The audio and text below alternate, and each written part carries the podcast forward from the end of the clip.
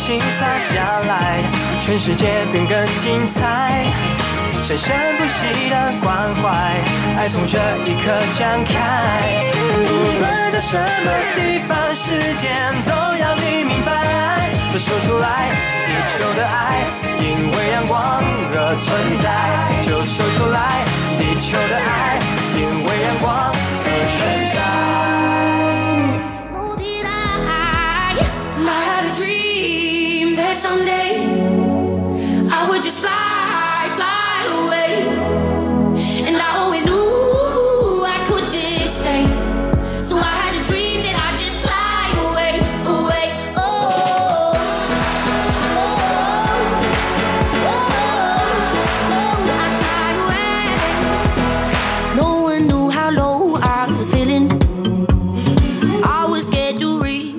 Muda pendengar setia Radio Taiwan Internasional Program Bahasa Indonesia Apa kabarnya? Ketemu lagi dengan gue Ipung di sini. Seperti biasa hari Selasa harinya BM Blitz Musik Dan 20 menit ke depan tentu akan gue bagian informasi hangat Seputar musik-musik yang ada di Taiwan tentunya. Dan buat teman-teman yang merayakan Natal ya di sini gue berserta seluruh kru RTISI mengucapkan selamat hari raya Natal buat teman-teman yang merayakannya dan juga sebentar lagi tahun baru ya.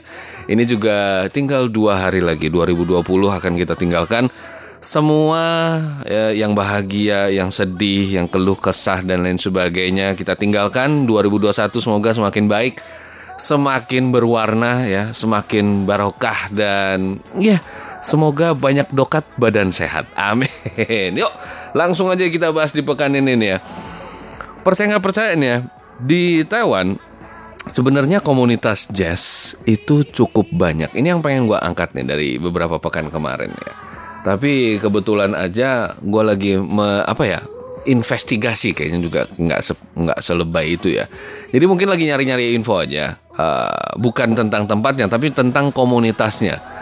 Eh, seperti biasanya eh, namanya juga komunitas ya, di mana satu komunitas satu orang dan eh, mungkin beberapa orang ya akan ketemu dengan beberapa orang lainnya ya dan mereka akan berinteraksi dan biasanya di situ juga pasti ada yang namanya tertawa ya senda gurau ya kan. Terus eh, mungkin ada beberapa permasalahan yang harus diselesaikan. Syukur-syukur kalau ketemu solusinya. Kalau kagak mungkin juga harus nyari solusinya. Entah itu mungkin caranya bagaimana dan sebagainya. Jadi intinya banyak drama. Dan eh, di mana pun gue yakin dalam segi dalam segi kehidupan dalam bentuk apa pun entah profesi lu apa ketika ada komunitas di situ pasti ada dramanya ya dan nggak nggak apa ya nggak heran juga kalau misalnya di Taiwan tentu musik yang namanya musik apalagi musik ya mungkin dramanya mungkin nggak kalah serunya dengan telenovela ya. Tapi di Taiwan belakangan ini ini lagi seru-serunya. Mungkin kalau teman-teman yang ngikutin eh, komunitas di Facebook ya komunitas musik di Facebook tentunya untuk eh, orang-orang lokal ya orang-orang lokal orang Taiwan maksudnya ya. Mungkin teman-teman juga bakal ngelihat beberapa hari ini ataupun beberapa pekan ini ya. Ini sebenarnya udah dimulai dari dua pekan yang lalu nih ya dan terus pembahasan tentang yang satu ini juga nggak lepas nih ya. Jadi ceritanya bagaimana sih? Yuk kita langsung lihat aja nih ya. Jadi ceritanya ini ada satu orang, ini kebetulan ada komunitas di Facebook ya. Ini semua orang Taiwan ya. Eh, Banyak juga orang asing sih dari dalamnya, tapi rata-rata mereka berkomunikasi menggunakan Mandarin. Tentu karena ini di Taiwan. Dan mereka lagi ngobrolin dan juga lagi ngebahas ya. Eh, jadi ada satu orang curhat nih ya. Namanya adalah He Hun He ya. Gua nggak ngomong dulu namanya siapa ya. Ini semuanya pakai Mandarin nih dia bilang. Eh, kemarin pas lagi datang ke Savo terus eh, ngikutin jam session yang ada sebenarnya nggak ada apa-apa sih cuman ada beberapa player di atas panggungnya yang mulai ngomong serius tentang perihal-perihal di bawah dia bilang dia mulai curhat nih. Jadi ada eh, ketik ini penonton ya. Jadi bisa dibilang ada seorang penonton yang datang ke Savo. Kalau misalnya teman-teman pernah datang ke Savo Taipei, Savo Taipei itu lebih identik dengan eh, tempat nongkrongnya para musisi jazz di Taipei, ya. Dan sering juga ada reguler, ya, sering juga ada gig-gig ya. Dan biasanya jam session mereka hampir satu minggu dua kali ya. Eh, Rabu dan hari Kamis dua hari ini dibuka untuk umum jadi untuk untuk ngejam dan rata-rata tema yang mereka bawakan sebenarnya nggak begitu apa ya nggak begitu ditulis di atas SOP ataupun di event acaranya bahwa venue ini akan memainkan jazz penuh gitu ya. Tapi nggak tahu kenapa rata-rata orang yang pergi ke sono basisnya jazz semua ya. Jadi ngejam ngejamnya mungkin dari real book lah ya kan dari lagu-lagu jazz kontemporer lah dan lain sebagainya ya. Jadi nggak tahu kenapa SOP-nya ketika nongkrong di sono kayaknya harus bawanya jazz gitu ya. Dan kemarin ada satu penonton, ini lagi ngobrolin di Facebook, jadi lagi curhat doi tentang apa yang dia lihat ketika dia pergi ke Savo Taipei pada malam itu. Nah ini yang seru nih. Dia bilang ada seorang pemain ya, dia nggak disebut juga pemain apa ya, pokoknya yang di atas panggung yang kebetulan lagi ngejam juga yang udah kenal dengan penonton ini selama 15 tahun.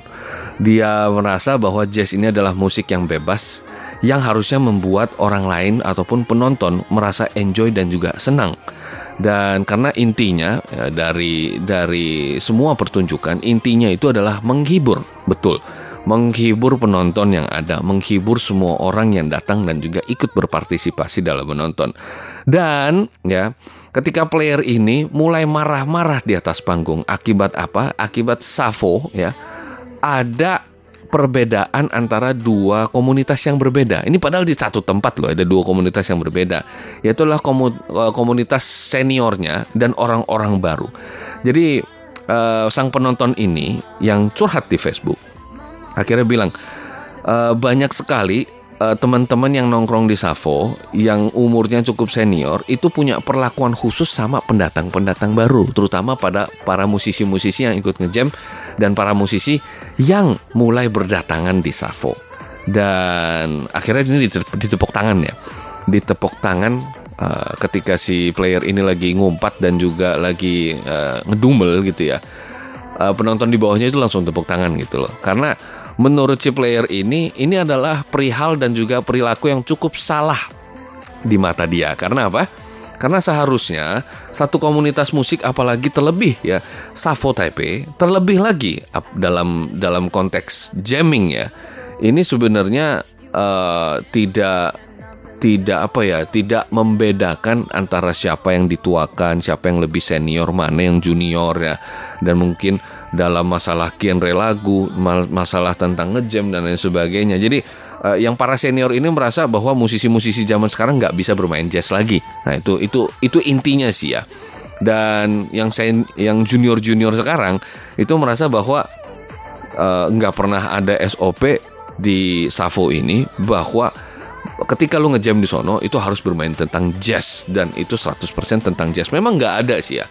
Di mana sih ada satu tempat ngejam? Uh, gue yakin di Jakarta ada banyak banget tempat ngejam nih ya. Uh, kayak misalnya Black Cat lah dan mungkin juga mungkin banyak studio-studio lainnya yang juga mungkin buka uh, open jam gitu ya. Uh, kayak kayak mana lagi kayak kayak dulu di Black Cat ya kalau di Jakarta ya kalau misalnya di Bali mungkin ada orchard gitu ya. Dan memang selalu ada hostnya yang akan ngebawa dan menunjuk siapa yang akan naik ke atas panggung untuk pertunjukan berikutnya. Dan ini tidak ada latihan, nggak ada rehearsal, jadi sesuatu yang dilakukan di atas itu hanya berdasarkan improvisasi dan sudah apa ya Uh, semuanya udah berembuk bareng. Kita mau ngapain ini? Kalau nggak saling ikut-ikutan aja gitu loh. Dan biasanya memang sih nggak ada satu petunjuk, nggak ada satu SOP yang akan apa ya memberikan memberikan ini ya arahan. Ketika lo harus ngejam apa yang harus suruh perhatikan genre musik apa yang harus perhatikan dan biasanya itu lebih dari kepengalaman sih ya. Dan kembali lagi ke Savo jadi penonton ini merasa agak sedikit kecewa dengan perilaku uh, dengan perilaku para musisi senior ini yang merasa telah ngebuat satu tembok yang cukup tinggi untuk para musisi-musisi baru yang ikut ngejam di Savo Taipei. Nah, menurut teman-teman kalian gimana nih? Gimana caranya ya biar semua orang itu bisa ngebaur dan ketemu satu titik tengah dan solusi yang terbaik untuk semuanya? Savo yang notabene adalah tempat ngejam untuk jazz. Jadi kalau misalnya teman-teman yang berdomisili di Taipei uh, penasaran lihat Savo itu kayak apa mungkin bisa dicari ya. Dan mungkin teman-teman juga bisa bisa ikut ngejam juga ya karena gue nggak pernah lihat ada orang Indonesia yang datang pergi ke sana untuk ngejam. Gue pernah uh, berapa kali datang ke sana belum pernah lihat ya sampai sekarang ya. Dan rata-rata di Savo komunitasnya ada beberapa yang kenal sih dan memang ada beberapa juga yang host ya untuk ngebawain tentang uh, ngebawa ngebawa tema acara pada malam itu nih ya. Misalnya hari Rabu gitu Jazz Night gitu dan lain sebagainya. Dan biasanya tema itu udah ditentukan terlebih dahulu nih ya. Oke kira-kira itu apa yang terjadi dan uh, banyak banget pro dan kontra pembahasan tentang mana yang terbaik untuk Savo seharusnya musisi junior gimana? Seharusnya musisi senior gimana? Wow ini belakangan ini riwah banget ya. Dan iya seperti yang gue bilang tadi. Drama ya. Nggak salah ya. Nggak salah ketika uh, satu orang punya pendapat. Tapi menurut gue ketika lo punya pendapat lo juga harus menghargai hak dan juga dan perilaku yang ada ya. Sopan santun itu penting banget. Uh, sopan santun itu tentu harus dipakai ketika lu menyampaikan pesan dan juga mungkin menya, menya, menyampaikan pendapat lu sendiri. Tapi jangan sampai ngebuat semua ini apa ya ngebuat semua ini jadi pecah gitu ya. Karena musisi itu udah jarang populasinya kalau muda. Menurut gue musisi udah dikit banget populasinya. Jadi harusnya kita merangkul saling mendorong memberikan apa ya uh, memberikan kritik yang membangun bukan yang menjatuhkan uh, satu satu ngerangkul yang lainnya di sini mungkin akan ketemu jalan tengahnya nih. Oke, ngebahas begini banyak mungkin ada teman-teman yang juga kurang begitu kenal dengan apa artinya ngejam ya. Uh, ngejam itu sebenarnya adalah satu apa ya satu momen satu platform satu akses di mana lu ini bisa latihan bersama orang lain untuk menunjukkan ya dan juga untuk menerima. Jadi mungkin lebih kayak ke ini ya silaturahmi dalam bermusik ya. Jadi memang di situ bukan semerta-merta hanya ngomongin tentang skill musik yang lo punya, enggak, ngejam lebih dari itu ya. Di mana adalah satu momen ketika lo akan memainkan satu potongan lagu, satu satu satu apa ya, satu ritme yang udah ditentukan oleh semua orang yang ikut bermain. Dan kalau misalnya nggak ada yang menentukan, biasanya uh, lu main dulu deh, mungkin main empat bar dengan kunci-kunci simple, ya kan. Terus habis itu diikuti dengan yang lainnya. Kayak main gitar di warung aja gitu loh. Nggak ada yang ngomongin kan ini mau genre apa, tapi main aja gitu ya. bener gak? Kayak bener. Itu ngejam yang mirip-mirip kayak gitu kalau muda. Kayak nyanyi-nyanyi aja Nyanyi-nyanyi simple gitu ya Di warung kopi ya kan Sambil makan bubur kacang ijo ya kan Sebatang di Samsu gitu ya kan. Nggak ada yang ngomongin kan ini lagu apa Jadinya kayak apa. Kagak ada. Nah seperti itu kalau muda ya. Jadi nggak heran uh, Ketika aktivitas seperti ini ini bisa dijadikan sebagai peluang ya. peluang untuk kenal dengan seseorang peluang untuk eh, mengetahui skill seseorang peluang untuk kenal lagi lebih dekat dengan seorang musisi dan lain sebagainya. Dan ini akan ngebentuk perahan akan ngebentuk satu komunitas. Dan ini adalah ngejam ya. Jadi ngejam ini bisa dijadikan sebagai satu platform ataupun aktivitas ya uh, untuk untuk untuk nyari sensasinya tersendiri ya. Jadi untuk bersilaturahmi dengan musisi-musisi lainnya. Itu itulah artinya ngejam ya. Dan arti kata ngejam ini biasa dipakai dari negara barat ya, tentunya lebih tepatnya di Amerika Serikat ya. Dan jams ini ini sebenarnya awal katanya itu dari jam session ya. Dan ini populer banget di kalangan para artis-artis jazz dan musisi-musisi jazz di mana ini adalah satu kesempatan yang penting banget ketika nama lo ditunjuk dan nama lo dipanggil ke atas panggung dalam jam session. Dan biasanya ini udah diuji pengetahuan lo tentang musik, pengetahuan lo tentang lagu, tentang chord, perubahan lagu ya kan, perubahan chordnya, modulasi ya kan, dan lain sebagainya. Ini langsung diuji seketika pada saat itu, nggak pakai latihan dan nggak pakai apa-apa, langsung aja main gitu kalau mudanya. Dan inilah di mana kegiatan ini bisa bisa apa ya? Bisa bisa membuahkan banyak hasil ya bisa saling belajar bisa saling mengetahui lu bisa tahu secara main uh, teman-teman band lu dan sebagainya gitu kira-kira seperti itu ya. Dan menurut gua kalau misalnya teman-teman apalagi ya seorang musisi yang nggak pernah pergi ngejam ya harus ya harus pergi ngejam ya. Jadi perasaan malu setelah lu ngejam itu harus didapatkan. Kalau nggak gitu nggak jago lu bener ya. Jadi tentu gue sering ngejam sering juga salah ya kan? Sering juga lebih sering lagi malu gitu ya. Jadi memang itu udah hal yang sangat lumrah sekali. Jadi ketika lu terpukul dan jatuh ya lu harus tahu. Jadi lu akan lebih tahu lagi kenapa alasannya lu harus bangun gitu ya. Jadi harus begitu ya memang kalau muda ya. Dan kalau ngejam nih ya, beberapa tips untuk teman-teman sih ya. Ini dari gua sendiri sih ya. Kebetulan kebetulan juga gua sering nongkrong juga di Savo dan dari ngeliat sering ikut ngejam juga ya. Gue juga seorang pebasis ya. Jadi ini beberapa tips ya dari gua. Uh, ketika ini tips ini penting banget nih yang pertama nih. Ini gak ada hubungannya dengan skill ya. Jadi ketika nama lu dipanggil dan lu nggak naik ke atas panggung, itu no no no, itu big no no ya, itu jangan kalau muda. Entah lu bisa apa enggak, ketika nama lu dipanggil ya dan di atas panggung, lu udah udah mandat itu. Nama lu dipanggil, lu udah harus naik ke atas panggung. Itu udah harus kalau muda. Jangan sampai enggak ya, karena ini akan mempermalukan diri lu sendiri dan lu akan ngejatuhin orang yang manggil nama lu. Kedua, ketika nama lu nggak dipanggil, jangan pernah lu ke atas panggung. Ya, ini bener-bener kalau muda nih ya. Jadi gue ulangi lagi ya. Ketika lama lu nggak dipanggil, jangan pernah lu pergi ke atas panggung untuk ngerecokin dan mungkin uh, pengen nunjukin skill dan lain sebagainya karena akan mempermalukan diri lu sendiri ya.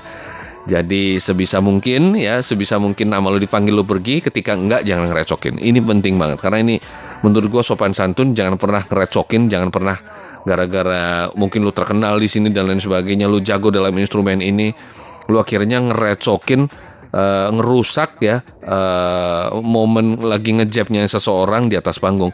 Hargai apa yang terjadi di atas panggung itu poin gue sih ya.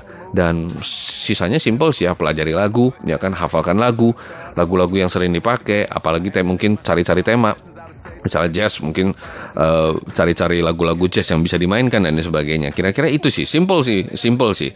Dan salah itu wajar nggak mungkin ada yang ngejam sekali terus jago banget nggak ada kalau muda emang udah diharapkan kalau pertama kali ngejam ya hancur gitu.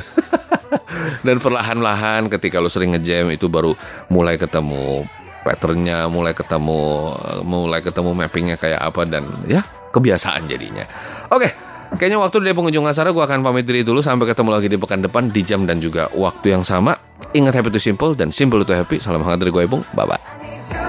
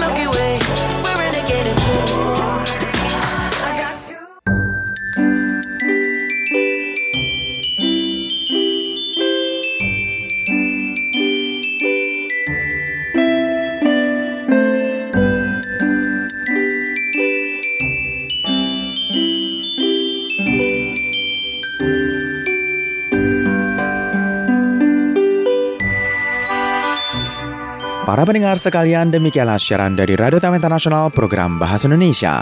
Acara kami sendiri disiarkan tiga kali sehari antara lain, siaran pertama disiarkan pada pukul 10 hingga 11 UTC dengan gelombang SW 11915 kHz. Untuk siaran kedua disiarkan pada pukul 12 hingga 13 UTC dengan gelombang SW 11915 kHz. Dan siaran ketiga disiarkan pada pukul 14 hingga 15 UTC dengan gelombang SW 9735 kHz. Untuk acara hasil kerjasama dengan Kementerian Ketenagakerjaan Taiwan disiarkan setiap hari Kamis pukul 20 hingga 21 waktu Taiwan dengan gelombang MW 1422 dan siaran ulangnya disiarkan pada hari Jumat pukul 8 hingga 9 waktu Taiwan dengan gelombang MW 1422. Guna memudahkan pemantauan siaran dari RTI, silahkan mengunduh aplikasi Radio Taiwan Internasional di dalam gawai dan juga gadget Anda. Jangan lupa untuk menambahkan fanpage Facebook RTSI. Untuk kritik dan saran, silahkan kirimkan email Anda ke rtsi at rt.org.tw.